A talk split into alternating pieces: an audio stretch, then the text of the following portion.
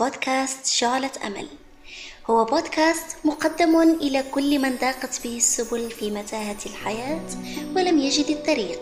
إلى كل من سئم من روتينه اليومي ويريد التغيير. إلى كل شغوف يطمح إلى تحقيق المعجزات. نعم إليكم أنتم رجل أو امرأة أخ أو أخت أم أو ابن زوج أو زوجته.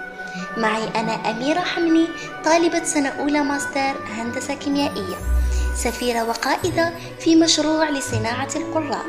مطالعة لأكثر من مئة كتاب ورواية. شالة أمل بودكاست جزائري باللغة العربية. يقدم لكم نصائح وإرشادات دينية تنمية بشرية كتب وروايات تعلم لغات تطوير للذات والكثير من المواضيع.